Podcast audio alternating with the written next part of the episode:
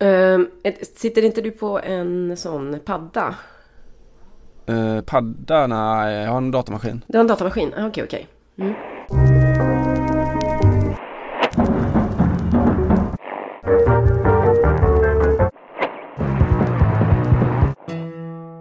I won't say another word about the beauties of the city and its situation, which have been described and praised often. As they say here, Vedi Napoli e poi muori. See Naples and die. One can't blame the Neapolitan for never wanting to leave this city, nor its poets singing its praises in lofty hyperboles. It would be wonderful, even if a few more Vesuviuses were to rise in the neighborhood. Goethe, oh. den gamle gynnaren, eh, hade varit i Neapel vid ett flertal tillfällen och eh, fått den där känslan av att bli drabbad som man lätt får när man är i Neapel. Eh, att vi är lite sena med eh, veckans avsnitt där handlar bland annat om att jag blev fast i eh, denna stad. Och jag kom inte loss helt enkelt Simon. Och när jag kom tillbaks och var poddredo så hade du lite mer prosaiska skäl kanske till att inte kunna podda. Så nu här är vi mitt i, ja, mitt i veckan, slutet av veckan och jag, man vet knappt upp eller ner. Men vi ska göra ett fredagsförsök helt enkelt. Som vi ska, det är de bästa försöken. Det på fredags förmiddagen så bubblar det i blodet. Jag tänkte förresten, apropå Goethe, så det där det är någon slags tidig form av influencer-grej. Det borde finnas en bransch för människor som säger fina eh, copygrejer om städer. Eh, ja men du vet alltså Går Vidal, Går Vidal utnämnde Taormina till liksom världens vackraste plats och det lever fortfarande vidare och eh, ja, Stendhal eh, som var i Florens och, och fick syndrom och självan av hur, hur vackert och konstnärligt allting var och sådär. Mm. Stendhal sa för övrigt så här Neapel och Paris De enda två huvudstäderna Ja det är fint och John mm. McEnroe sa att Paris är världens bästa stad om man bara kunde ta bort fransmännen ur den. Mm, just det, det är väl många jänkare som tycker mm. så. Men ja precis, nej du, alltså hade, hade Goethe levt nu så hade han väl varit en influencer av rang får man gissa. Frågan är, hade han tagit selfies och uh, så här, klippt in sig själv med Vesuvius i bakgrunden när han inte hade haft tid att åka dit? Man, man vill ju tro det. Och hade han flugit dit och, och, och twittrat om sitt miljöengagemang? Alla dessa, alla dessa frågor. Jag tror, jag tror, alltså, Goethe, jag tror att han, han är killen som har tagit privatjätten dit och sen skrivit någonting om eh, hur eh, förskräckt han är över att eh, Neapel kanske snart ligger under vatten, i alla fall liksom strandsidan eller hamnkvarteren. Lite, alltså lite som Mesut Özil eh, gjorde häromdagen. Han la ju upp den här 10 year challenge med antarktisk is. Ungefär i samma stund som han satt på något privat jet någonstans. Gud, de har problemen nu med fotbollsproffsen med, med sina privatjets-selfies kan man säga. Mm, dålig feeling. Ja, men efter uh, Stendhal, Goethe, uh, John McEnroe och Gore Vidal så är vi väl redo för en, en liten... och Mesut Özil. ja, och Mesut Özil. En liten sån här helg, helgingång. Uh, världen vaknar upp idag och vet hur fotbollslandskapet ser ut. Det var eh, Eh, deadline day som kidsen säger i eh, går då för vår del. Eh, nu är alla övergångar färdiga och eh, klara. Eh, det hände inte så jäkla mycket den här gången. Eh, vilket man väl inte ska tillskriva någon form av, av nyktert uppvaknande i fotbollsvärlden utan massa andra andra premisser och skäl säkerligen. Eh, det har varit, varit roligare förr eh, kan man säga. Jag vet inte om du har, har någon sån här eh, favoritövergång att lyfta historiskt? Alltså jag måste säga att en superfavorit eh, kom, seglade upp, alltså historisk superfavorit eh, igår. Eh, nämligen att Peter Crouch eh, är tillbaka i Premier League i Burnley. Det, det gjorde mig på oerhört gott humör. Alltså visst är det fint. 38 år gammal. En liksom, kanske den aktör i vad ska man säga, engelsk fotboll som man är mest mån om aldrig ska sluta om han inte verkligen måste. Ja, man tycker jättemycket om det. Så jag upplevde, han, han kom till mig i, vad blir det, i förrgår någonting, eh, när Tottenham gjorde sin, den här heroiska slutminutsvändningen eh, hemma mot Watford och eh, Llorente eh, som liksom inte kan göra mål inifrån målen en gång men han avgör matchen med att göra ett, eh, ett riktigt sånt här Peter Crouch Nix-mål som han mest gör för att han är lång. Eh, mm. Jättefint. Mm. Crouch är en av de som fortfarande inte liksom har gjort, man väntar på att han ska göra en besviken på något sätt, ska dyka upp något, jag vet inte, samarbete med något lån, sms-lånföretag eller något men han, han verkar vara på riktigt en av the good guys. Mm. Ja exakt. Intressant att du tar upp det. Jag har tänkt mycket på de senaste dagarna. Vi ska väl komma in på och prata lite Neymar vad det lider under dagen. Men det här med spelare som man gillar och förlåter otroligt mycket. Mm. Alltså med Pete Crouch kanske inte det behövs då. Han har inte gjort några liksom sunkiga samarbeten och eh, sexistiska skituttalanden. Eller vad vet jag, det kanske han har gjort. Men inte, inte något sånt där som hänger kvar i minnet i alla fall. Ehm, Medan en sån som Mesut Özil kan liksom fraternisera med Erdogan, han kan flyga privatjet, han kan bete sig, alltså han kan all, i princip alltid svika klubb och landslag Ehm, när han behövs som mest, nu menar jag i prestationer på planen. Och ändå så har han en sån extremt eh, tydlig och klar plats i mitt hjärta på något sätt. Eh, och sen så har man sådana som Neymar som är liksom faktiskt väldigt hårt bevakad och får ta otroligt mycket stryk. Och väl inte har gjort egentligen en fluga för när han har spelat liksom med i spelreglerna ganska mycket och är, är liksom den, den generiska fotbollsstjärnan på något sätt. Och ändå så känns det som att man aldrig kommer klara av att tycka om honom. Och inser jag, PSG-fansen gör ju inte det heller liksom. Alltså det är ju, alla är glada över att han är där men det är ju inte någon som älskar Neymar i Paris. Men både Neymar och Özil har väl någon slags självförstärkande eh, narrativ så att allt de gör förstärker bara bilden man har av dem.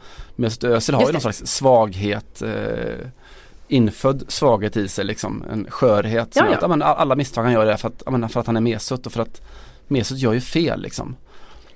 Och så är han också en lite svag eh, jungfru någonstans. En sån där som, hade han levt på 1800-talet mm. och, och, och, och, kunnat ta del, kanske, kanske på, på Goethes tid liksom, när män fortfarande fick vara, eller när män fick vara känslosamma och liksom så, tas in av en stad eller kanske en, ett operaverk. Då hade han svimmat liksom på operan. Man vet ju det med Özil och det hade, man hade älskat honom väldigt mycket där också. En Werther-karaktär, det du pratar om? Ja, exakt. Eh, och också lite som Werther klädd i gult och blått, i alla fall halvt. Han är ju, är han gift till och med med en svenska eller i alla fall förlovad tror jag. Mm, ja, precis. Eh, Neymar samma sak, om han eh, ramlar så är det fel, om han står upp och dribblar och briljant så är det också lite fel. Att allting förstärker ja. bilden av honom som någon som går lite, lite utanför. Eh, ja.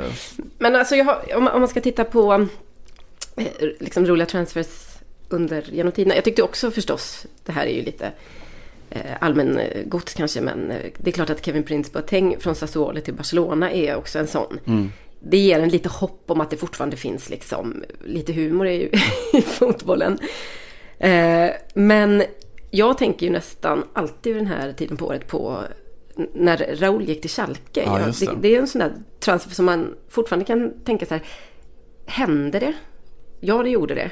Blev det bra? Ja, det blev skitbra liksom. Han, blev, han är ju så djupt älskad på, i liksom två europeiska städer av två supporterföljen. Uh, Raúl som också är en sån där lirare som man kan ha jättemycket invändningar mot. Eh, det, det sades liksom att han styrde i princip hela Real Madrid och att han Ja, men det var mycket kritik om att han bestämde över eh, andra värvningar på den tiden och att han var den som skötte all kontakt med klubbledningen då, oavsett vilken tränare som Real Madrid hade. Att han var väldigt så, eh, gillade inte att bli hotad och i sin position och, och allt det där. Ändå väldigt svårt att ha något emot, eller så, genuint inte tycka om en spelare som, som lämnar Real Madrid som en klubbikon och flyttar till Ruhrområdet när hela världen ligger öppen på något sätt. Alltså lite, var det inte så att, de, de, att Schalke till och med pensionerade hans tröja när han slutade efter typ två fi, i, i klubben? uh, ja, det är möjligt. Han, han, han, nej precis. Han, men han, jag tyckte också i och för sig att han var, det var lite kul för han gjorde två fina säsonger. Han gjorde ganska mycket mål i, i Schalke. Och, och, och, men det är klart att de gjorde väl det lite över, de var fortfarande någon form av chock över att han hade valt klubben. Liksom. Hur, mm. hur hanterar man en sån? Det är klart att man måste hissa tröjan antar jag. Tänk att hon ser mig. Lite den grejen. Eh, Exakt så. hon, Mm. som är så, hon som är så, så precis vacker. Eh, jättefint. Eh, vilket får man tänka på när Julia Mm. Roberts och Lyle Lovett var gifta och eh, någon tidning skrev att eh, eh, Vet ni när det tog slut mellan Lyle Lovett och eh, Julia Roberts? Det var när hon en morgon vaknade och insåg Jag är Julia Roberts och han är Lyle Lovett. Eh, Mm. Lite så med, med Gelsen, Kirchen, eh, Raoul äktenskapet också. Plötsligt en dag så insåg Just. Raoul att men herregud jag är Raoul. Eh, och där är gruvan. Och vad gör jag här? Vad gör jag här? Ja. Fantastiskt fint. Just det där med, med, jag tycker det är fint också med, med tröjpensioneringen. Eh, den får mig att tänka på Olympic Marseille som är, alltså just vår tids längtan efter att vara en del av ett större historiskt skeende så. Eh, Marseille pensionerade för ett par år sedan eh, Mathieu Valbuenas tröja och eh, Suleiman Diawara eh, som båda var, visst de var väl bra spelare för klubben och så och var med och tog hem en ligatitel men, men gud vad de inte var sådär pensionerad tröja och Valbuena som sen blev eh, Marseilles mest hatade också eh, ett par år senare. Ja, ja, precis. Det är väl som du säger, det är väl den här känslan av att vi vill också fake it till you make it lite grann. Ja, Ska, är man, ska man vara liksom en storklubb så får man ju, måste man ju ha lite så hyperbola eh, vanor på något sätt. det finns även i, i journalistskrået ska jag säga. Det finns en, en, eh, en Har, no, har någon blivit kanoniserad? Berätta. eh, Robert Laul. Äl, älskade både Eller och Solna. Ja, nej men alltså jag tänker på eh, den här retoriska modellen som många, eh, däribland jag, använder där man skriver att du, vet, du ser liksom eh, Frida Hansdotter tar ett OS-brons eller sådär så skriver man att jag kommer aldrig glömma var jag befann mig onsdagen den 25 februari.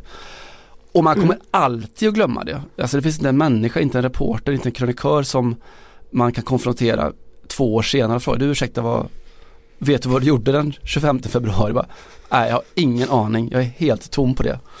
Mm. Eh, Ja, jag det. minns exakt noll eh, sådana tillfällen och jag har ändå använt den retoriska modellen i alla fall tre gånger gissar jag. Ja. Har du inte, menar att du inte minns en enda fotboll? Alltså det är klart att man har varit på dem då.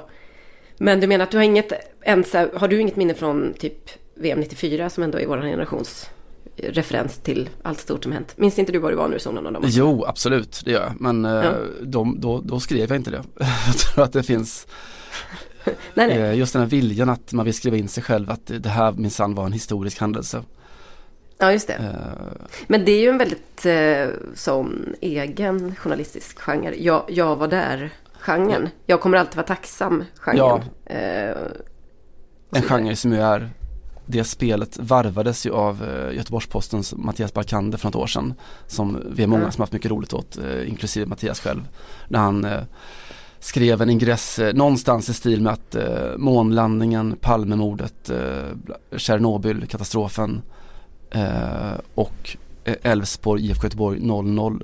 Det finns tillfällen när man aldrig kommer glömma. Eh, det, det må ju vara tveksamt så att säga. Jag menar, Tjer- Tjernobyl har man ju redan glömt menar jag. Ja, hur som helst. Jag, Ja, det. Men ja, jag, jag, vill ibland, jag vill ibland tro, för att knyta an till eh, Neapel, att det kanske är lite samma eh, typer som, som skriver Jag var där-vinklarna. Som också Mm. tycker att Neapel är en citat vild och vacker stad. Citat slut. Ja, Jag gick fan runt hela förra helgen och bara Tänk inte att det är vilt och vackert här nu Johanna. Liksom. Det är också mycket andra saker. Men eh, det är lätt att dras med.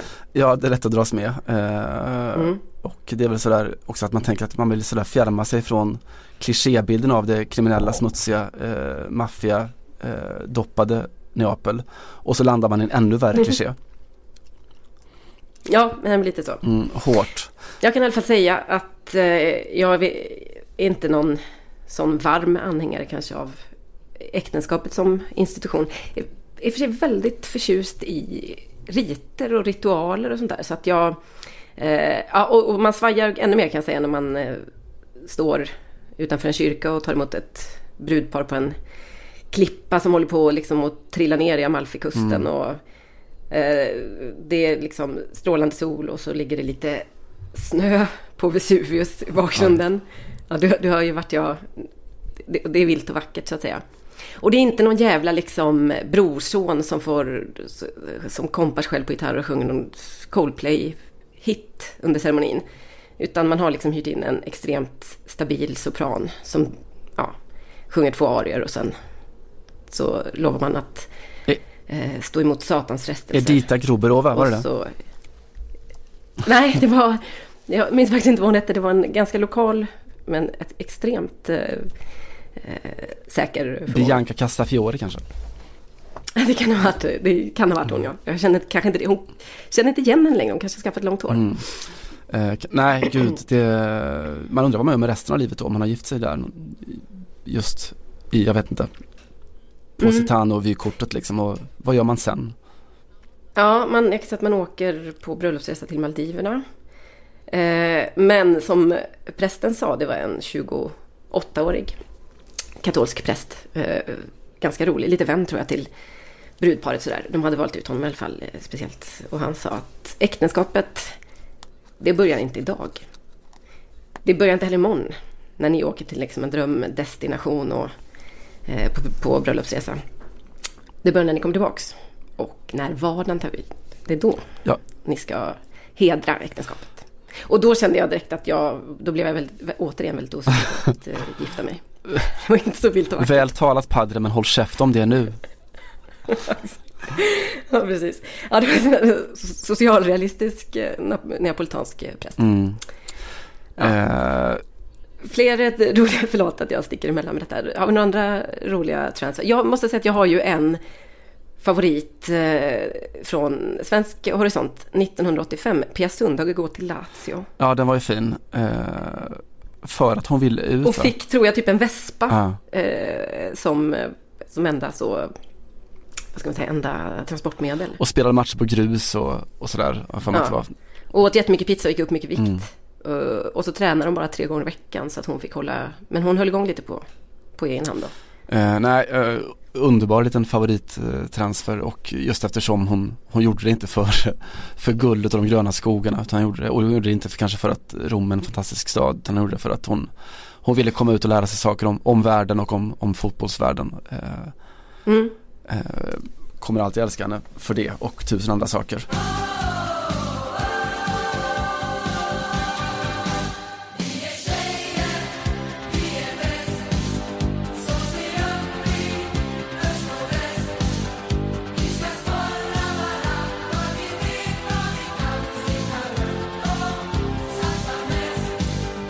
Du, det finns faktiskt, eh, nu har jag kommit på en till, en, i, en nutidstransfer.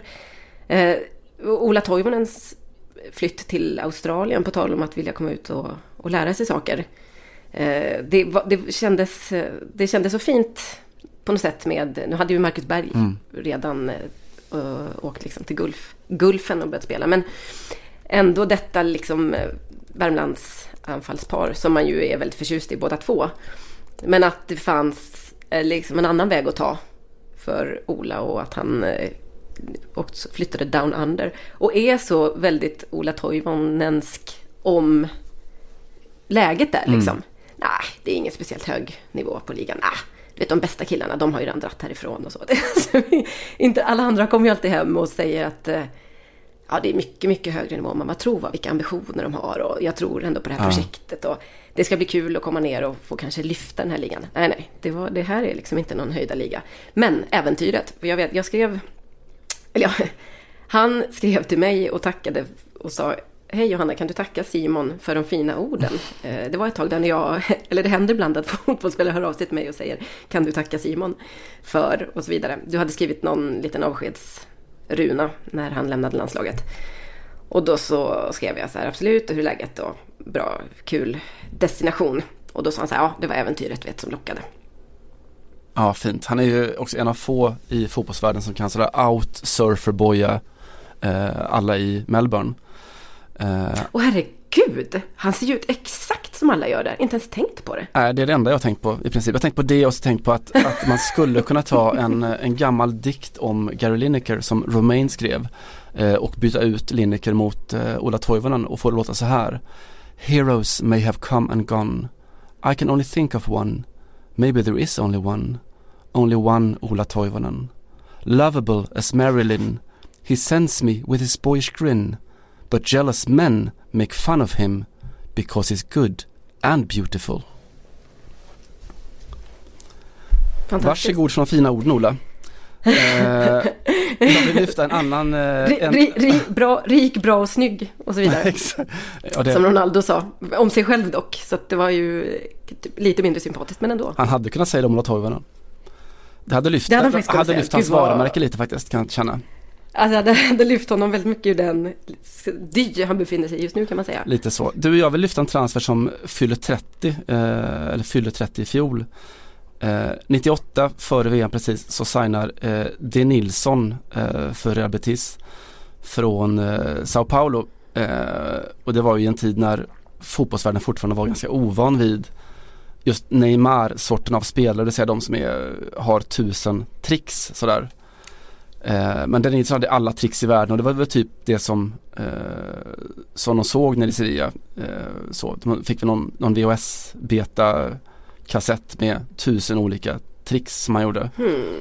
98, jag, nu försöker jag bara faktagranska lite grann här. Jag tänker att de kan ha fått en CD-ROM. Ja det kanske till och med var så. Eller DVD. Ja det kanske, ja det måste ha kommit, det är sant. Ja. Det var säkert så. Jag var i alla fall ingen Y-scout ja. eller något sånt där.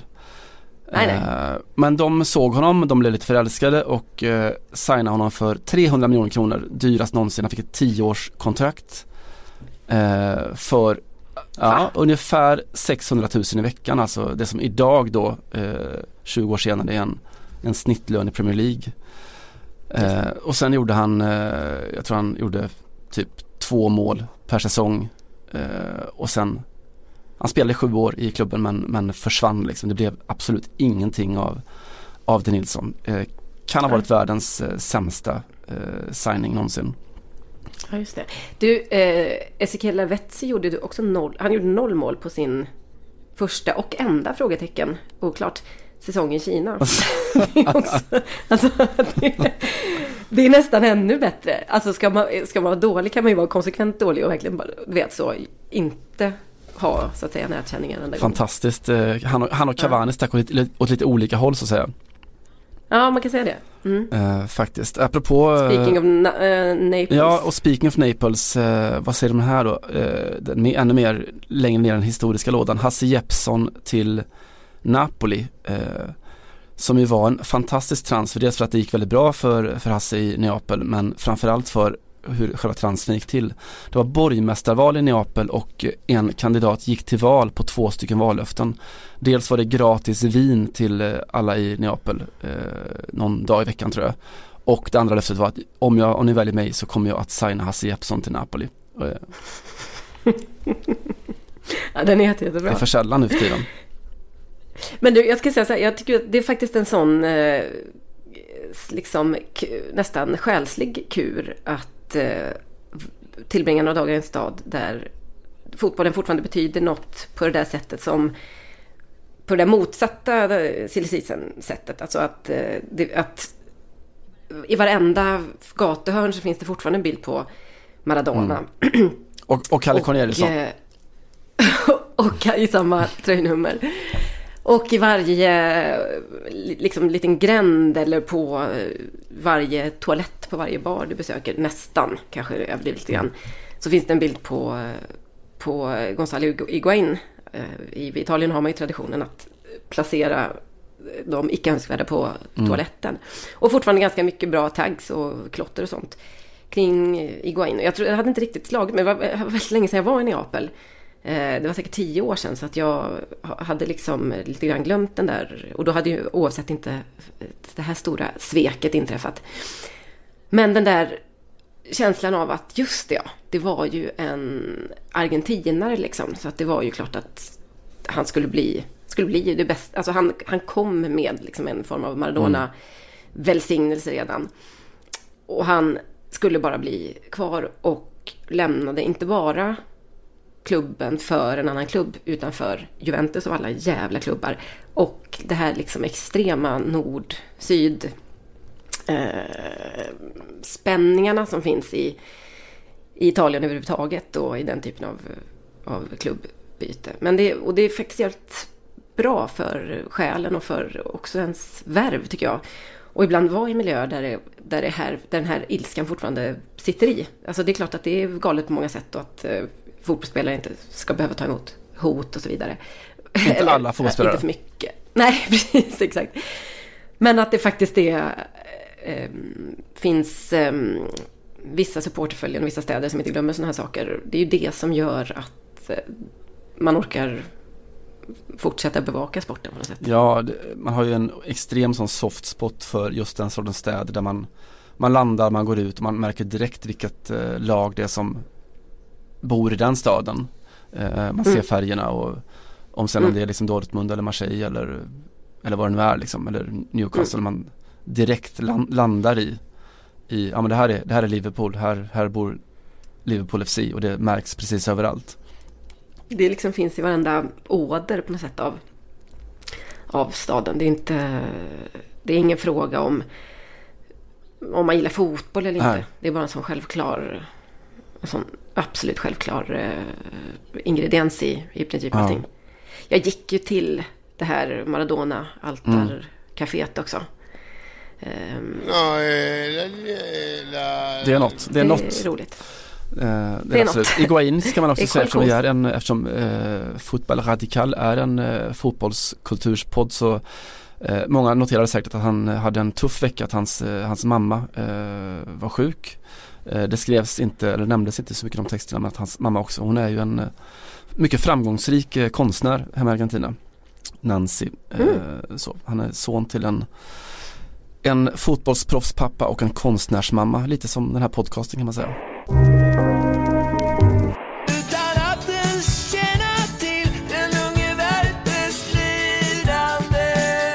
Jag tänkte fördjupa oss lite mer i just det, där Historien Eh, och man kan ta avstamp kanske i, i Neapel. Eh, jag skrev ett, ett dokument, eller vi ska landa i Neapel i alla fall, eh, ett dokument i förra helgen om eh, just hur eh, extremhögern har gjort lite av en comeback i kurvorna runt om i, i Europa. Eh, jag skrev lite om hela Tommy Robinson, hans ikonskap i, i ett eh, Storbritannien då med under Brexit och ja, Tommy Robinson som kommer ur fotbollssupporterrörelsen och som är lite av en då, eh, nyckelfigur i de här gaturörelserna med English Defence League och Football Lads Alliance och allt vad de heter. Jag funderar på vem, för att sätta honom i ett svenskt eh, sammanhang, vem skulle man kunna jämföra honom med i?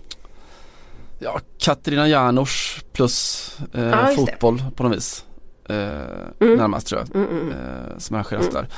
Och eh, jag skrev mest kanske om, om just Dortmund då som eh, för att bredda lite bilden av, av BVB eh, som under hela liksom 2000-talet och hela den supporterdemokratiska högkonjunkturen i, i Bundesliga och i tysk fotboll så har ju de varit en, en av drivkrafterna och man har fått de här bilderna från från Sydkurve och, och den här gula väggen och eh, de flesta vet väl om att då Eh, just Dortmunds supportkultur väldigt mycket drivits av vänsterkrafter som har då markerat mot antirasismen och antifascismen och för inkludering och ta ställning för, för flyktingar och allt sånt där. Eh, lite mindre känt kanske det för gemene svensk att Dortmund också då är en knytpunkt för den tyska nynazismen har varit under ganska många år, i alla fall i en knutpunkt i, i väst då. Eh... Just det, jag blev lite förvånad över det. Att jag läste ditt dokument. För att man kopplar väldigt mycket ihop de krafterna med Östtyskland i alla fall har jag gjort det med de här Pegida-rörelserna och hit och dit. Ja, det är mycket större. Uh, Finns ju dessvärre överallt. Uh, verkligen. Uh, och du har liksom Chemnitz-protesterna och Rostock och allt vad det har varit med, med väldigt så starka uh, nazi-närvaro.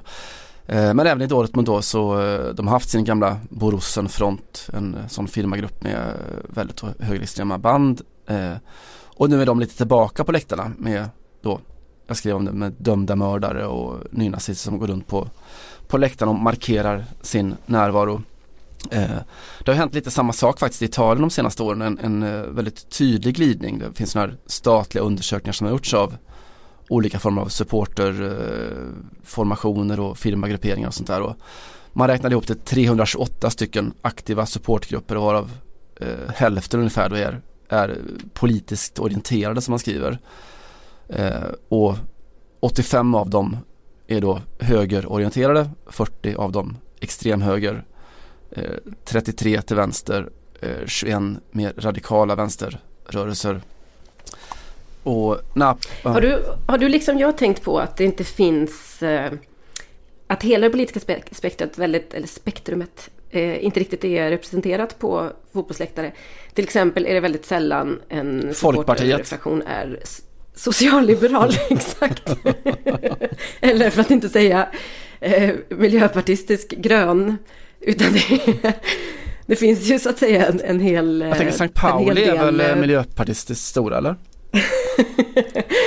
Ja men de är inte, de är inte socialliberala, alltså det finns ju inte någon sån kanske supportergrupp som är för en inkluderande fotboll och HBT-rättigheter. Men också att eh, riskkapitalister ska få köpa upp eh, väl, alltså välfärden och skolor och sjukhus och sånt.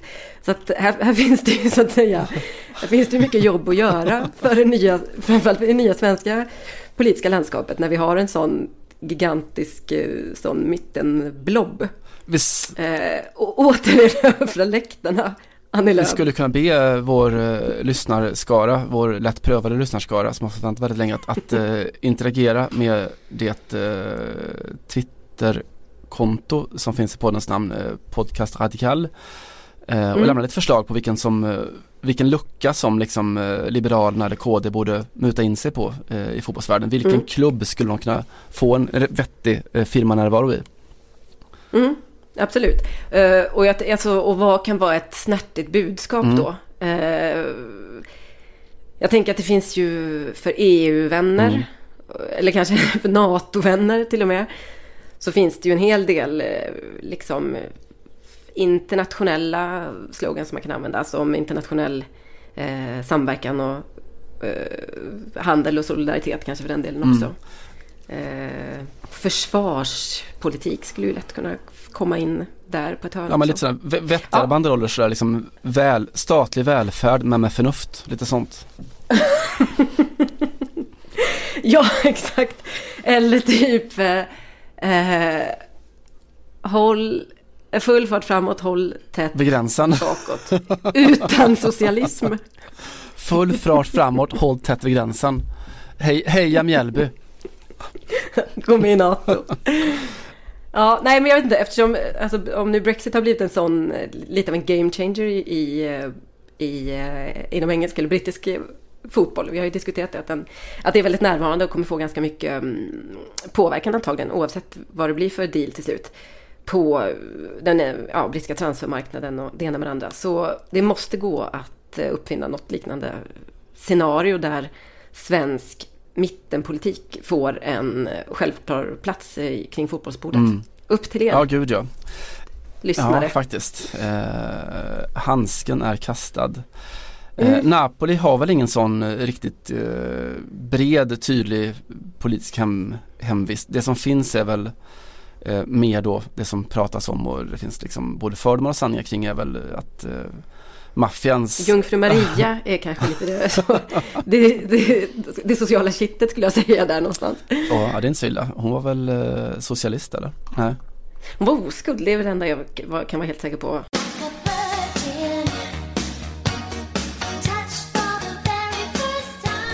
Ja, you say potato.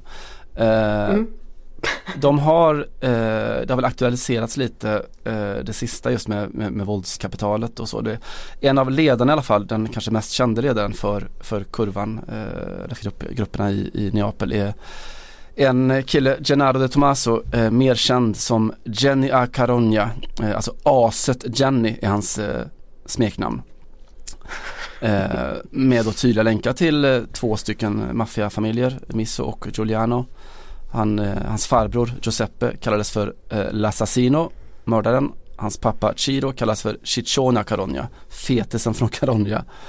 Eh, och är dömd då för droghandel och maffiaaktivitet. Eh, aset i alla fall, och han är alltså capo i Mastiffs, eh, Napolis allra tuffaste firma. Eh, själv anklagad för rån, droghandel och eh, misstänkt då för såklart att ha band till maffian. Eh, det var han, om ni minns eh, cupfinalen mot Roma 2014 då där en Napoli-supporter sköts ihjäl så så var det han som eh, man såg där i, kurvan som eh, verkade förhandla med polisen eh, och vilket då ledde till att matchen trots allt spelades. Vilket eh, mm -hmm. polisen fick mycket kritik för. Mm. Eh, men Napoli i alla fall, de är ju ja, tämligen apolitiskt får man säga. Då det är inte liksom ja, Treviso eller Hellas eller något sånt där eh, mer högerextremt. Eller Livorno. Eller Livorno eh, på vänsterkanten. Eh, men eh, våldet lever och finns i alla fall fortfarande kring den italienska fotbollen. Nu i, i mellandagarna så blev Davide Bellardini överkörd och dödad före Inter mot just Napoli. Bellardini då en sån här MMA-kille, eh, capo också då i eh, Varese eh, i en grupp som heter Blood and Honor. Alltså en sån här SS SS-slogan. som är då eh, nynazister eh, och har då band till Inter och, och Kurva Nord. Eh, nya diskussioner, Salvini var inne och skulle mana lite dialog med de här eh, supporterkollektiven sådär. Eh, Ja, låt, låt vad lugn jag blev av det. Mm, så mycket som är, som är bra det där. Eh, Salvini var ju också inne och pratade om eh, när det då kom apljud mot Koulibaly eh, i Neapel Mm. under i Napoli eh, när de mötte Milan. Eh, och sa att eh, ja, han, eh, inte, ja förlåt, och, och relativiserade liksom hela det där att ja, men det, vi ska liksom inte blanda ihop det som bara är lokal rivalitet och, och det som är rasism liksom. Ja, just. Eh, för att det här mellan Inter och Napoli det var Ja det var ju bara lite banter tyckte han Mm. Mer så eh, För övrigt så Napoli skötte ju allt det som hände efter Koulibaly väldigt väldigt snyggt Både från, från alla nivåer i klubben Alltså Carlo Ancelotti. Ja bäst va Nel mio cuore. Det är något med, eh, om jag får ta vid lite Mm. där, för jag, jag, jag har en sån nästan omotiverat stor respekt för Carlo Ancelotti. Det måste vara den, kanske fotbollsman i sin generation, som, om vi pratar om inledningsvis, de här fotbollsspelarna som Peter Crouch, som man typ aldrig riktigt kan hitta någonting att hålla emot. Lite så känner jag för eh, Carlo Ancelotti. Och jag hade ju ganska mycket med honom att göra förstås när han var i PSG. Eh, alltså det tålamodet och den mannen har haft med kontroversiella klubbägare till exempel. Alltså tänk dig att han spelat under eh, alltså Abramovic i Chelsea. Han har liksom spelat under Berlusconi, spelat. Han har eh, jobbat under, får man väl säga. Eh, Silvio Berlusconi i Milan liksom utan att eh, vad, vi, vad man har sett ut i alla fall tappa ansiktet eller tålamodet en enda gång. Eh, och eh, under Qatar, emiren i Qatar då, i eh, PSG. Och eh, när vi, jag fick en intervju med honom så frågade jag om det, om hur det, hur det är liksom. Eh, att ha den typen av, vad ska man säga, att, eh, jätte mm, liksom, ekonomiska muskler som, och eh, ledare liksom, som man ska tillfredsställa. Och han sa så här, nej men man, det är som det. Det är inget att tänka på. Liksom. Svarade han väldigt diplomatiskt. Och det var, tror jag, ens, kanske det som man mest förknippar med Ancelotti. Att han är en, en stor diplomat. Men han är också en stor humanist någonstans. Alltså alla tycker ju om honom. När han, när han lämnade klubben så, så alltså alla spelarna älskar honom. Zlatan Ibrahimovic sa ju att eh, aldrig haft någon som Ancelotti som bryr sig så mycket om människan samtidigt. Och som frågar hur vi mår och eh, liksom blir, jag tror att Ancelotti har sagt själv någon gång att han hatar att sätta spelare på bänken för det finns inget värde än att, än att göra en fotbollsspelare besviken och så vidare. Men när det kom till det här som du pratade om med eh, Koulibaly så var han ju diplomatiskt stenhård får man väl säga, så han vek ju inte en tum. Nästa gång går vi av plan liksom. Då avbryter vi, eller avbryter vi matchen om inte domaren klarar av det. Och eh, jag tror att han fick gå ut i efterhand och säga att jag menar inte att vi ska ställa till kaos. Men det finns ju ett regelverk här, men om man inte använder sig av den här regeln, nämligen som, som är att man får avbryta matchen som domare om det förekommer eh, rasism på läktarna. Så måste ju vi göra någonting. Eh, och sen när han blev intervjuad i, i eh, Corriere dello Sport här, förra veckan tror jag det var. Så tog han upp det här och fortsatte och sa att de bryr sig inte. Det är ingen som bryr sig i Italien. Alltså med dem menar han ju då. De som Bestämmer fotbollsförbundet helt enkelt. Ja, precis.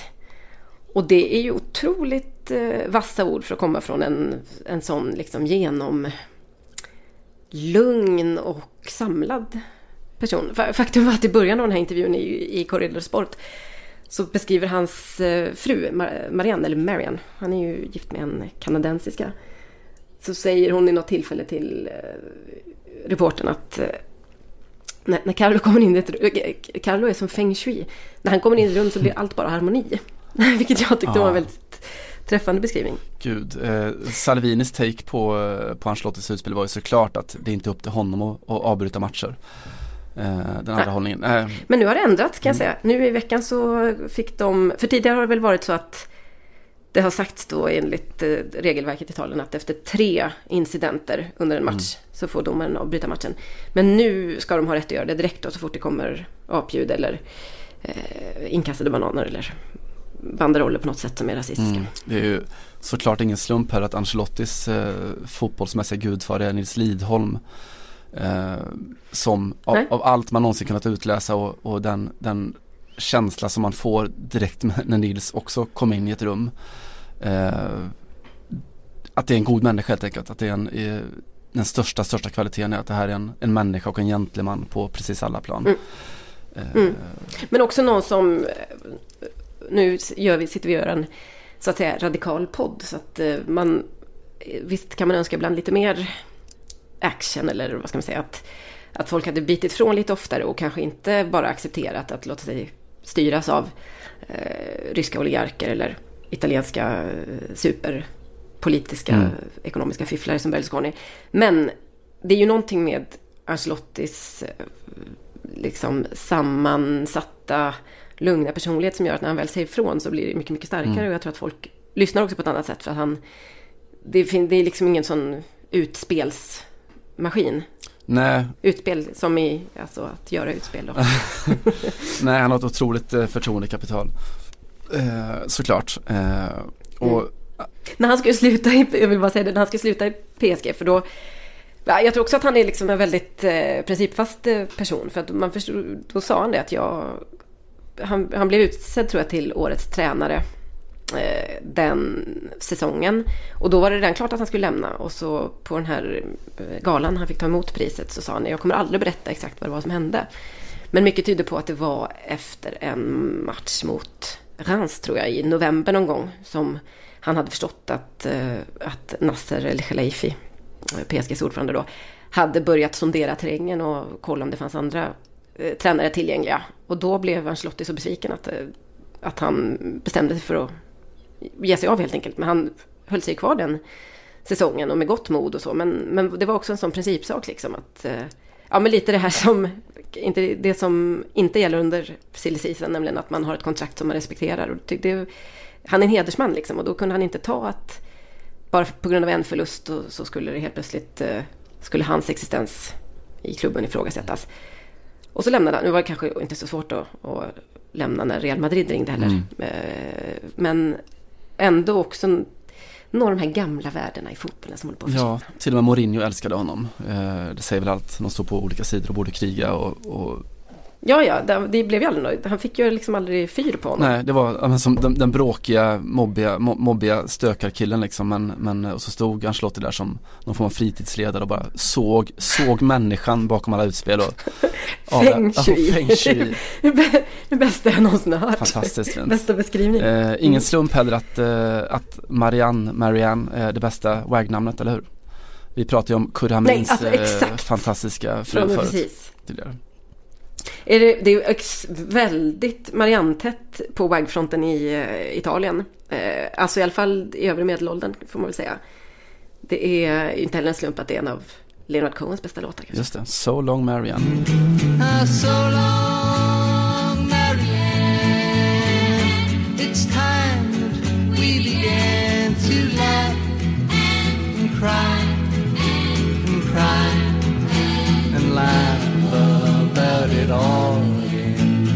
Vad jag skulle landa i i alla fall var väl just det Mm, här. förlåt. Det är så här vi jobbar. Jag tycker det är rätt Kedo Skova. Ja, det är inte, behövs inte alls.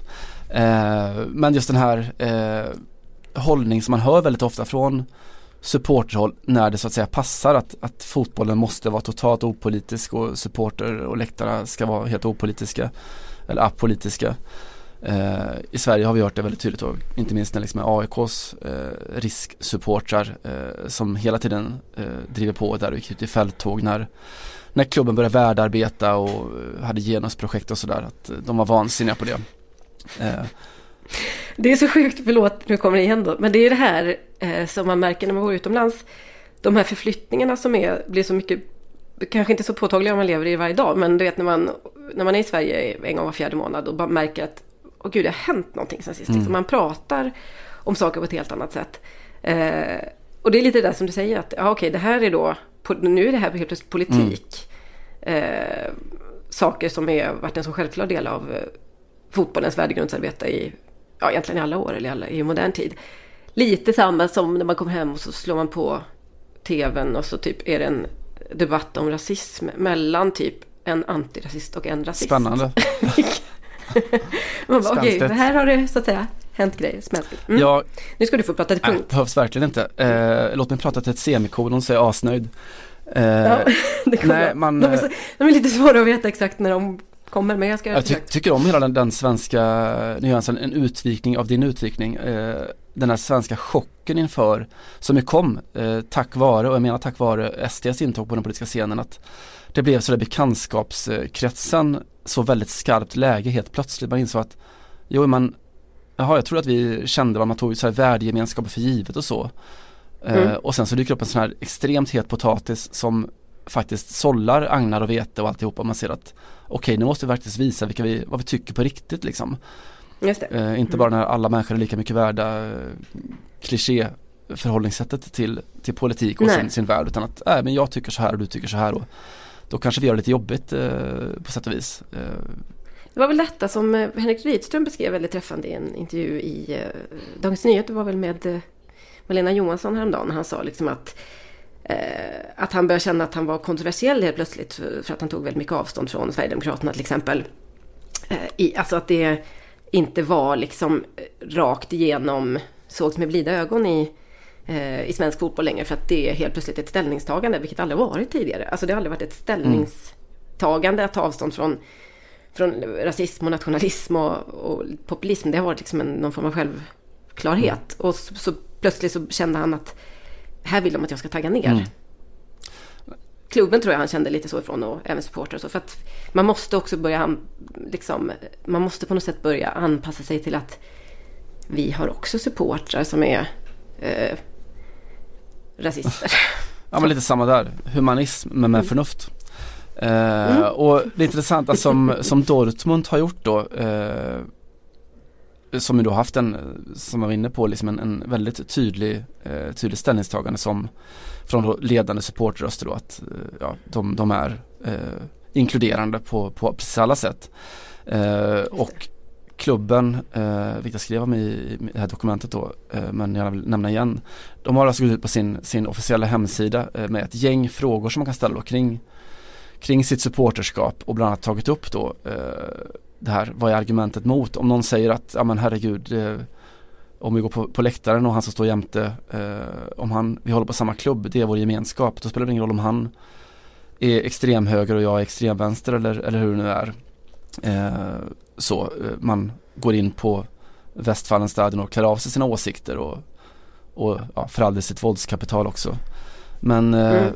det som BFAB gör är att de skriver då eh, en lång harang som slutar i eh, slutsatsen att om man inte delar våra värderingar, de som är till grund för hela klubben då, med att man är inkluderande, att man är förenar eh, olika nationaliteter och ursprung och eh, kulturer, socialgrupper, eh, Så se- sexuell, sexuell läggning. eh, hudfärg och så vidare och så vidare och så vidare. Ja, om man inte delar det, då är man faktiskt inte en del av vår klubbgemenskap. Eh, för det här är vad vi är. Eh, och Mm. ja, det går inte att eh, hålla sig opolitisk helt enkelt, rakt av. Nej men det är också den här bisarra idén om att man ska gå på fotboll. Så du kanske är vänsterextrem då. Och så jag högerextrem. Eller ska vi säga tvärtom. Och så bara... eh, ska jag då stå ut med att du till exempel kanske hatar kvinnor. Eller homosexuella. Alltså vilket, vilket jag skulle kunna vara. Ja, och Eh, och att det ska bara vara en, en så här, det måste, så måste det få vara. Vi måste, alla kan inte älska alla. Vi bara vi älskar klubben. Det är en sån bisarr idé. Jag menar, jag är inte alls någon sån förespråkare av liksom trygga rum och liksom triggervarningar hit och dit och så. Men det är ju ändå en rimlig, kan jag känna, ett rimligt krav från en supporter att man ska kunna gå och titta på sitt lag och inte typ känna att bänkgrannen vill typ mörda en. På grund av livsval eller ursprung och så vidare. Ja, inte på grund av det i alla fall. Nej, precis. Precis så.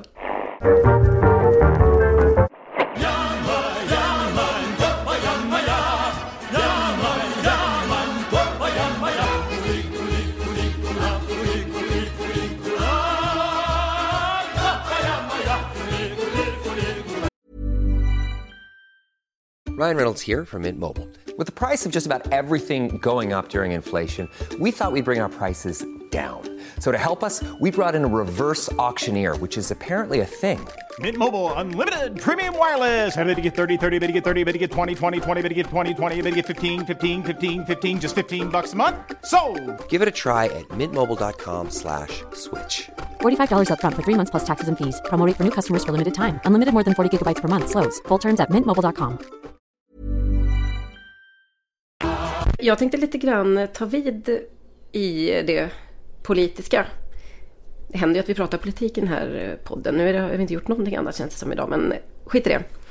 Eh, det har nämligen uppdagats i veckan, eller förra veckan möjligtvis, att eh, socialismen har skördat ett nytt offer på fotbollsplanen. Jag tänkte ge lite bakgrund först och främst till fotboll och socialism. Eh, för det finns ju en hel del ganska så eh, uppenbara exempel på att eh, socialism eller vänsterideologi har haft en ganska stor inverkan på olika lag till exempel. Det mexikanska regeringspartiet, det revolutionära institutionella partiet, vad heter det? Jag vet inte ens vad man säger, kallar det på svenska. Hade, har till exempel kontrollerat Mexikos största klubb i alla fall i eh, en av de mest populära Ursäkta, men är inte det ett så här oxymoron? In, revolutionära institutionella? Nej men det är ju, eh, du vet nu är ju revolutionen på Kuba fyllde 60 år. Till slut så blir de, Ah. de institutioner också. Jag tror att vi har en idé om att, vi har ju den här idén om att det ska vara som franska revolutionen. Det bara händer och så är det. det över sen och så har hänt något nytt. Nej, nej, nej. Eh, revolutionen pågår. Mm. Kamrat. Just det. Hur som helst, eh, Mexiko är ett, ett land där det finns, eh, där det har varit en hel del eh, politisk inblandning kan man säga i eh, fotbollen. Och det finns sådana här exempel då på att eh, ett regeringsparti helt enkelt eh, mer eller mindre kontrollerar och har stort inflytande över klubbar. Vi har ju pratat om eh, det här tidigare, på, då har det varit andra politiska inriktningar. Eh, Başakşehir och eh, Erdogan till exempel. Eh, eller den turkiska staten som är väl på något sätt, som det här laget på något sätt hör, hör till. Men eh, det finns ju i framförallt, eller ja, i Syd och Mellanamerika finns det många sådana här kul exempel. Evo Morales som är Bolivias president. Som kan väljas återigen 2019 för vad det är, sin fjärde mandatperiod tror jag. Om han får igenom den här, den här lilla grundlagsändringen som alltid ska till för att man ska få sitta lite längre än vad man än vad som står så att säga i konstitutionen. Skitsamma, eh, Evo Morales var 54 år gammal när han signades av eh, klubben Sports Boys för eh, fyra, fem år sedan, 2014 var det tror jag. Så han är närmare 60 nu. Och eh, de låg nia någonting tror jag i, i den bolivianska högsta ligan.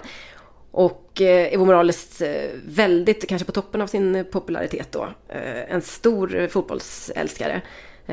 Det var ändå kanske några supportrar som tyckte att det var lite, lite konstigt med en, vad, skulle en 54-åring så att säga tillföra det här laget som ändå låg lite risigt till. Men enligt kontraktet så skulle han då få spela 20 minuter max tror jag i de matcher som han ville. Så han skulle själv då, när det passade med hans, Eh, vad ska man säga, ganska fulltecknade styra landet-schema. Men eh, ja, som sagt, det, skulle, det, det var ändå, det var, det var vad han var lovad då på något sätt. Han skulle dessutom få eh, han gjorde inte det här gratis nämligen, utan han gjorde det till den då bolivianska minimilönen. Eh, I någon form av solidaritetsgest då. Ändå Schysst lite ändå. konstigt kanske att man inte... Ja, man hade också kunnat tänka sig att han skulle avstå helt och få Har du tänker så? betalning för Okej, detta. ja. Mm. Men det slutade i alla fall med att det blev ganska tyst om det sen, men nu har jag kollat upp lite grann. Evo Morales blev...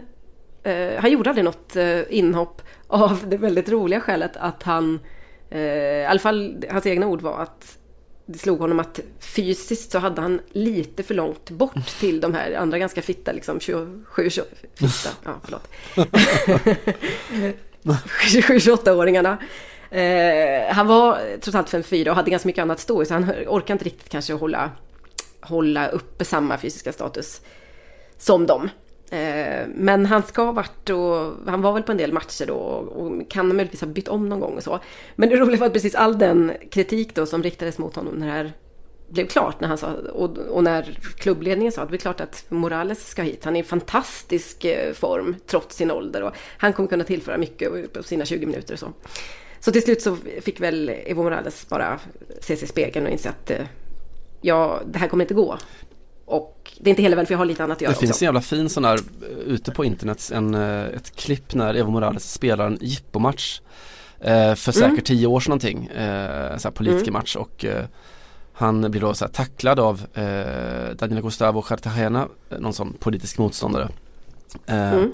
Var det inte att han satte upp sitt eh, parti mot motståndarpartiet? Ja, det kan lätt ha varit så. Match. Absolut och eh, han lackar ur och, och går till attack mot Cartagena eh, med knät i så att säga skrevet.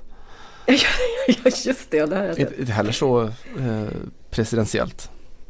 Nej, men han var ju tydligen en otroligt bufflig eh, sån benbrottsmittfältare på, på den aktiva tiden. Aktiva, han spelade mycket. Han har väl också spelat någon sån här protestmatch på 6000 meters höjd. Eh, jätteoklart, alltså protestera mot att, eh, att eh, fotbollsspelare skulle liksom utöva sitt yrke under så farliga omständigheter. Och det är ju en, en, en fantastisk eh, uppoffring får man säga. Man är 50 plus och spelar på, alltså på 6000 meters, kan det vara så högt? Ja men jag tror La Paz, Sex- var det inte det så att de typ slog Argentina med 6-0 eller någon, någon episk match för att Argentina dog billigt. Ja, precis. Okej, jag, kom- jag har en liten reservation för att tänk om det var 6000 feet. Men skitsamma, det var jävligt högt i alla fall. Eh, och, alltså jag vet inte, men om man kommer upp på sådär 2-3 tusen så brukar det ju stå att man inte får, det brukar sitta upp lite skyltar så här om, man är alpmiljö till exempel, spring inte eller så. Det kan vara farligt liksom att tänka på eh, ja, man ska tänka, man ska anpassa sin hastighet efter eh, höjden och så. Så att han, har, han har gjort mycket för fotbollen, eh, Evo Morales. Och, eh, man, men man får ändå säga att i, i kraft av eh, vänsterman och socialist så har han ju kidnappat den lite grann också. Vilket ju inte är någon ovanlighet direkt i, i Sydamerika att man, att man gör som politiker.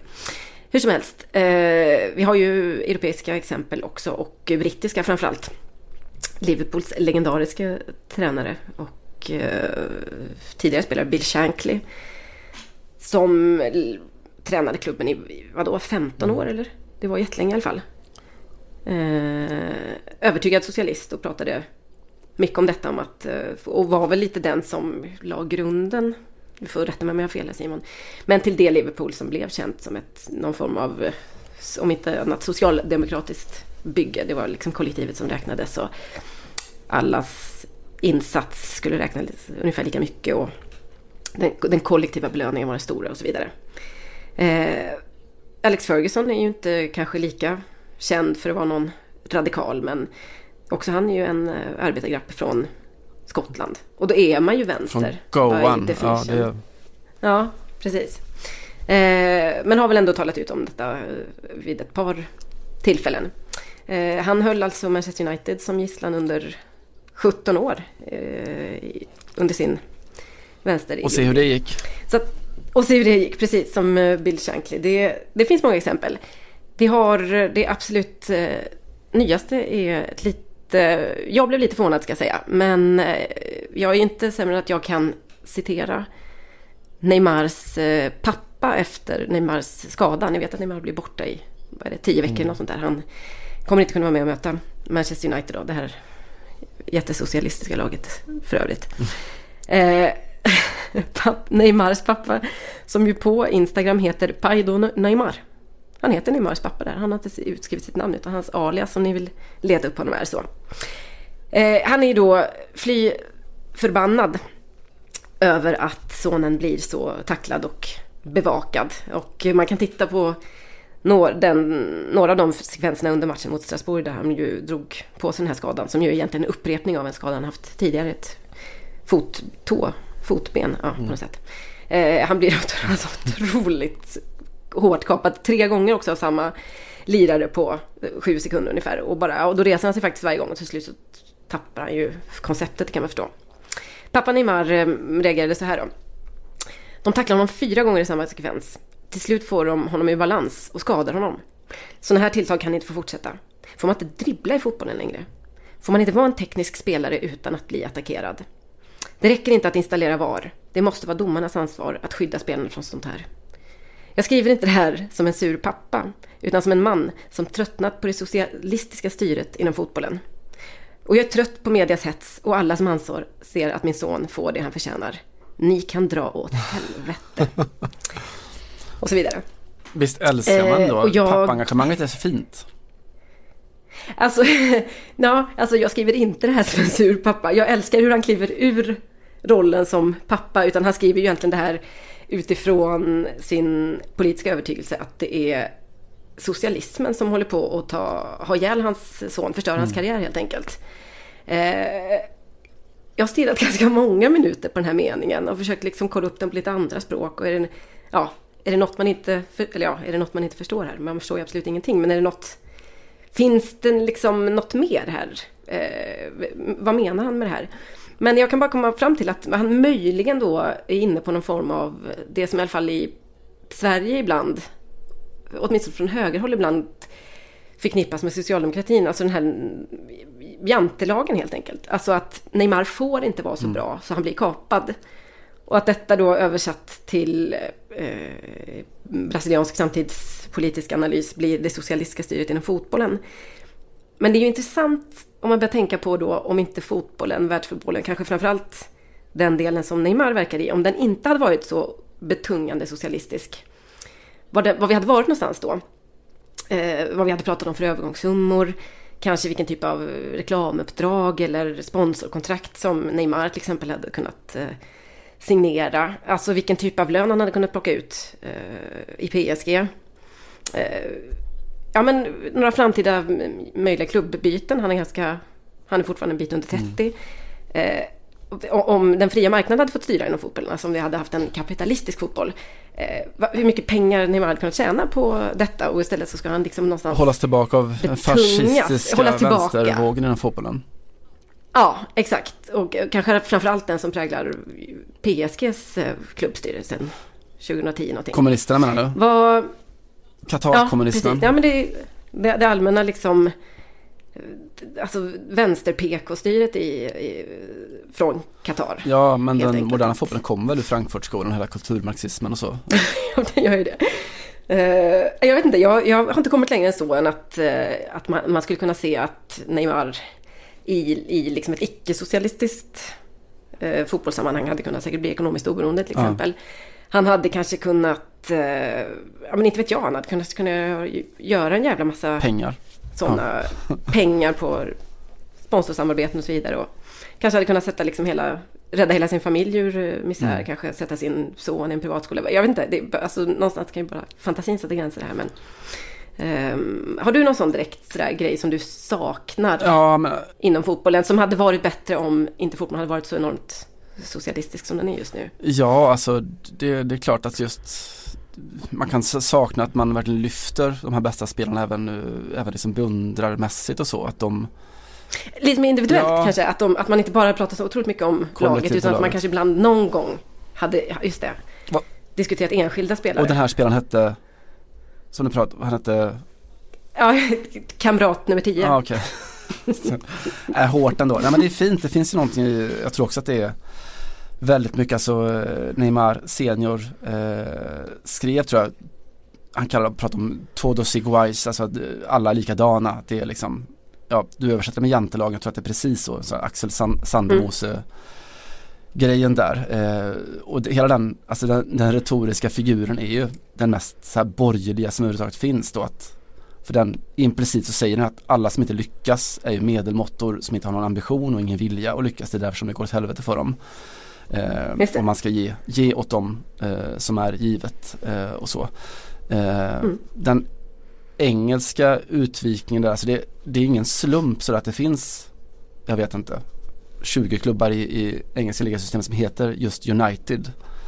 Eh, Just. Jag kommer att tänka på apropå på Bill Shankly. Eh, så John Barnes vet jag, den dunderelegante Liverpool-yttern eh, som var intervjuad i Evening Standard för ganska många år sedan eh, och sa så här. Fotboll är en socialistisk sport. Ekonomiskt får vissa i och för sig mer än andra men ur ett fotbollsperspektiv spelar under 90 minuter ingen roll om du är Messi eller högerbacksreserv. Du jobbar mot samma mål. Lagen som omfamnar den socialistiska ideologin snarare än har superstjärnor är de lag som lyckas bäst. Och om det finns superstjärnor så ser de inte sig själva som sådana. Eh, sådär.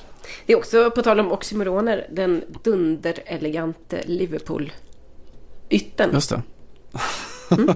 Fint. Så jobbar vi. Bra ja. bild. Nej, men vi önskar att, hoppas att Neymar kommer tillbaka. Eh, för jag tänker också på det ekonomiska bortfallet under de här veckorna han inte kan jobba.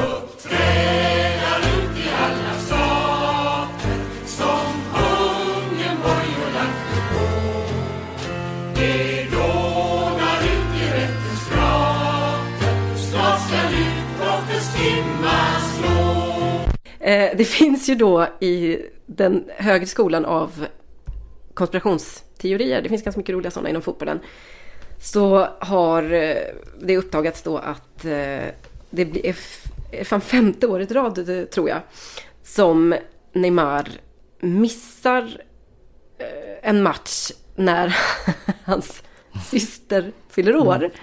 Eh, han, hon år den 11 mars, nu har jag tappat hennes namn.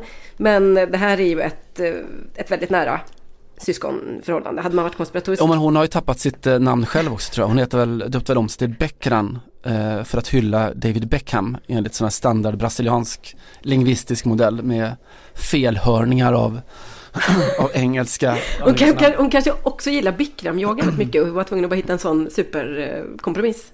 Det låter inte omöjligt. Eh, man tänker lite på tvillingarna, eh, de brasilianska fotbollstvillingarna. Eh, då Maicon i gamla Inter ytterbacken som är döptes till Maicon för att hans mamma ville hylla, hon älskade amerikansk film, Hollywoodfilm och ville döpa honom efter, tror jag, Michael Douglas.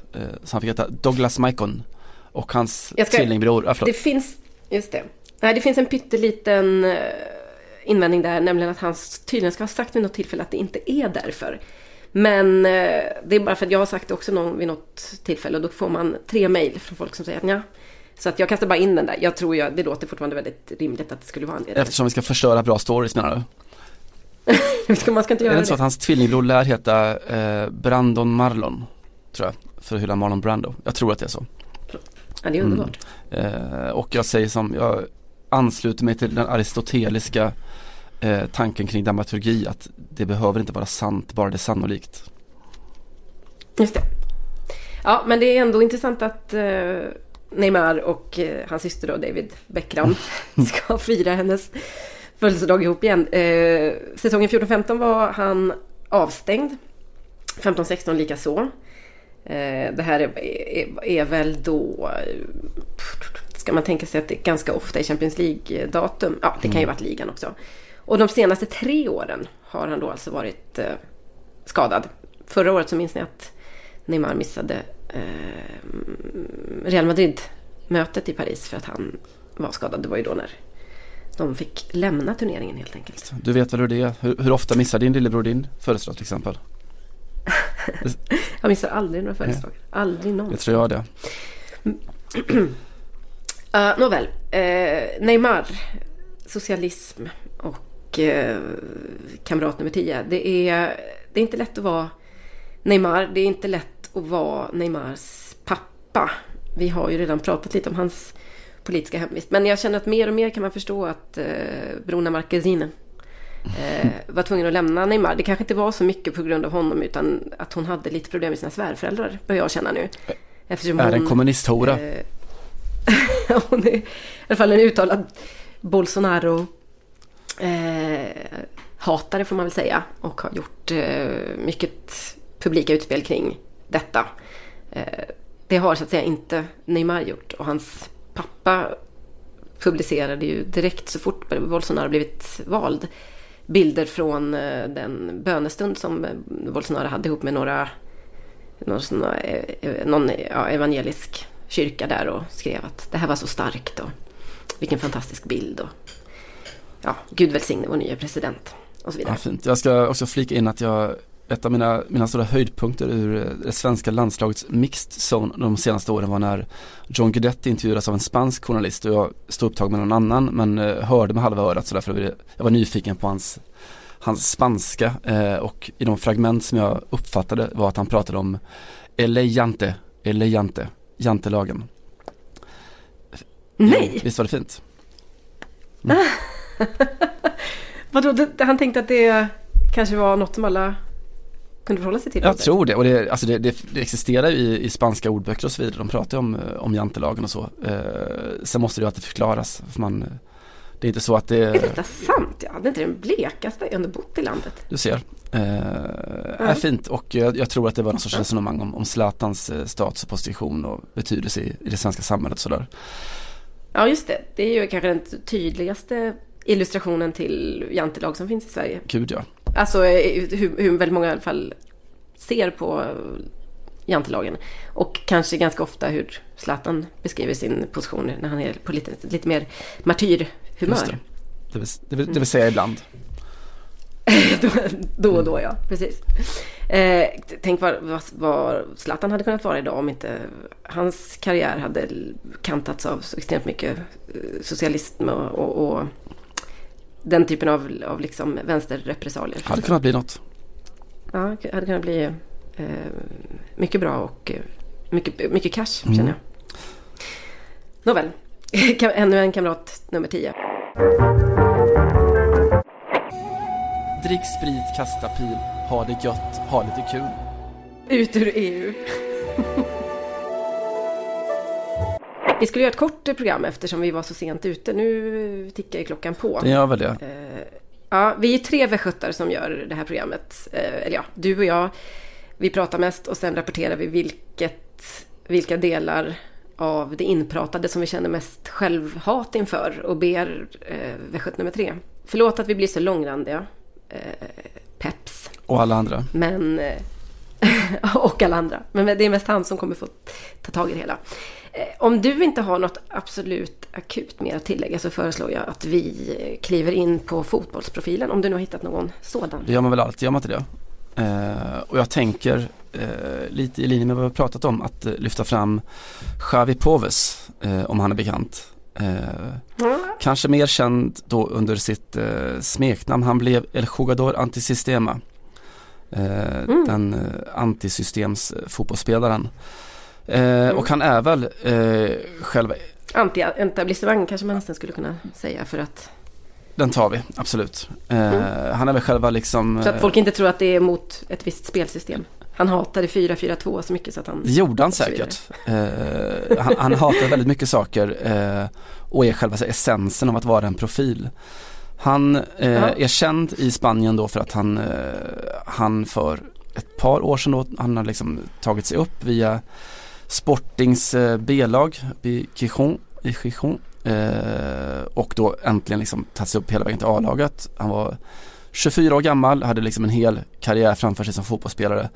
Men grejen med Xavi Poes var att han var speciell. Han eh, var anti-etablissemanget i bred märkelse. Han hatade nämligen skiten. Eh, han gillade, gillade fotboll såklart jättemycket, han tyckte om att spela så. Mm. Men hatade allting runt omkring. Eh, sa eh, i här klassiskt uttalande att eh, professionell fotboll är pengar och korruption i kapitalism och kapitalism är döden. Jag vill inte vara en del av det här systemet. Och eftersom Xavi Poves levde sin ideologi så vägrade han att ta emot en sån här sponsrad klubbbil som Sporting gav honom. Eh, och såg till att få ut all sin lön i kontanter eftersom han, han ville inte göda bankerna och deras skitspekulationsekonomi. Och sen slutade han. Helt enkelt. Han eh, tyckte att det var en del av världen som han eh, hatade så mycket så att han ville inte vara en del av den. Eh, och vad gjorde han sen då? Jo, han reste världen runt. Eh, 35 länder repade han av. Han var i Senegal, han var i Sibirien, han var på Kuba såklart. Han var i Det här är alltså Kim Ekdahl Durits kraftdjur, hör jag ju. Vä- väldigt mycket den. Väldigt mycket den. Eh, och hängde lite i Venezuela. Och bestämde sig till slut för att eh, Teheran eh, var det han trivdes allra bäst. Och han var också, apropå Kimita Duré, så var han också typen som eh, aldrig bodde på hotell utan han, eh, vad heter det, couch soffsurfade sig runt. Mm, ja just det. Precis, Kimeta Duritz bor ju i ett kollektiv i, någonstans i Paris. Just det, elegant. Eh, Och sådär. Eh, och ja, han då delade sin tid mellan att bo i Iran och att bo i Madrid. Eh, han startade ett ekocafé i Madrid då de serverade sina örtteer eh, och blev ordförande i Mostoles. Eh, alltså den där Madrid stadsdelen eller förorten va? Eh, Ja, kvarters... Just det, mest känd för att det Iker Casillas eh, är därifrån. Mm. Och eh, fick senast i, i fjol en hel del rubriker när, när han kom ut eh, som tvivlare på vissa andra saker som ganska många eh, tar för givet. Han slår fast att ja, men jag är en rätt så nyfiken person och jag tycker om att studera saker och jag undrar det här, eh, rör vi oss verkligen? Alltså han ifrågasätter om jorden är rund. Ja. För att han själv har liksom känt av någon, någon G-kraft eller eh, tyngdlag och sånt där. Men visst, om någon kan visa mig att det är sant så, så kan jag ta det. Men eh, inte att det ska vara filmat massa trickkameror och skit utan att det ska vara vettiga det. bevis. Ja. Ja, vad bra. Antietablissemanget, eh, profil hur som helst. Eh, Ja, verkligen. Xavi Poves vill jag lyfta fram. Ja, ljuvligt. Eh, det är inte så, man springer inte på sådana där flat earthers så ofta. Men man kan säga att eh, om man till exempel hänger på sociala medier och så vidare. Och, så det är ganska många man ibland inte orkar ta någon som helst debatt med. Eller det orkar man inte, varför ska man hålla Neymars på? pappa Men att man såna. ändå säger, ja det här... Nej, exakt. Men så finns det också de där som är så liksom, som har så bisarra idéer som, så att man blir man, man blir stum. Mm. Och där kanske är de som tror att jorden är rund. Är kanske de man gillar mest för att de har inte, det är ju ingen det är ju ingen så djupt rasistisk agenda, även om det tyvärr ofta hänger ihop med att man har massa andra konstiga konspirationsteorier om eh, allt från, ja inte vet jag, eh, du vet judemaffian mm, som styr, alltså den typen av så här, antisemitiska konspirationer och eh, väldigt mycket idéer om att eh, media hittar på och så. Och tyvärr hänger det ofta ihop. Men det finns ju också de som bara har sådär en grej som de har hakat upp sig på. Typ att jorden kanske är platt. Eh, att månlandningen aldrig ägde rum och sådana där saker. Eh, jag tycker det är festligt. Det är bra med folk som ifrågasätter eh, relativt opolitiska eh, vedertagna sanningar. Så att det inte blir det blir, inte kaos liksom. Det blir bara lite kul. Mm, det är mycket bättre. Jag menar, världen ska inte vara statisk. Eh, Allt, allt ska upp för granskning. Mm. Helt enkelt. Så är det. Du, eh, finns Eh. det något du vill tipsa om här i världen? Ja, gud vad... Jag kommer bara knyta ihop säcken eh, snabbt här med eh, Neapel. För 12 år sedan är det nu så kom en bok som lamslog kultur-Sverige. Eh, Myggor och tigrar av Maja Lundgren. Han var ett, eh, ska vi säga ett frontalangrepp på den eh, det svenska kulturetablissemanget. Det svenska kulturpatriarkatet och eh, Kulturmannen före ja, kulturmannen minst- va? Ja, precis. Inte minst Aftonbladet Kultur får sig en slev av... Nej, släng av sleven. Ja, hur det nu är. Eh, och eh, allt har redan sagts om eh, den här boken såklart. Det finns... Eh, man kan ha ganska mycket invändningar och det är inte helt enkelt att veta vad som är fria fantasier och vad som har inträffat så. Men det är en bok som har fått lite upprättelse. Det är en roman helt enkelt. Men med ganska så uppenbara självbiografiska inslag. Det är, den fick lite upprättelse i och med eh, metoo får man väl säga. Eh, Maja Lundgren som var någon form av paria ganska länge i svenska kulturkretsar efter att eh, hon skrev Myggor och tigrar var inbjuden till Babel bland annat och pratade om det här och, och ja, hur hon var väldigt tidigt ute med att förklara att till exempel eh, Jean-Claude Arnault som eh, numera sitter bakom galler för eh, två våldtäkter är det väl. Att han var, att han tafsade och var en, en, ett eh, sexuellt rovdjur helt enkelt. Ehm, mycket, lite väl mycket eh, av intrigen utspelar sig i Neapel i de spanska kvarteren. Som styrs av eh, den lokala maffian Comorran. Eh, det är lite långrandigt. Det hade kanske kunnat vara hundra sidor kortare beskrivningar där, därifrån. Men det är svårt att hitta en svensk bok som ger så mycket Neapelkänsla. Så har ni av någon anledning missat Myggor och tigrar så plocka upp den nu om ni vill få den perfekta mixen av svensk kulturmaffia och eh, neapolitansk eh, systemmaffia.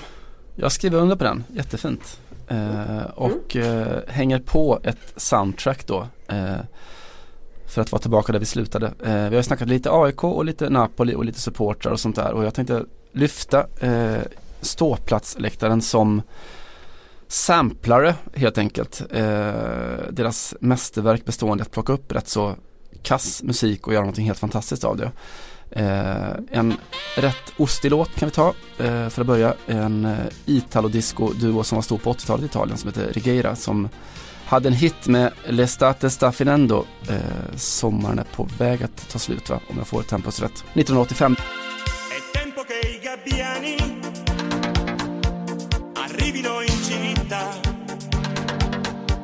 L'estate sta finendo, Ja, det, hör- det låter ju lite eh, halv förjävligt sådär va, eller?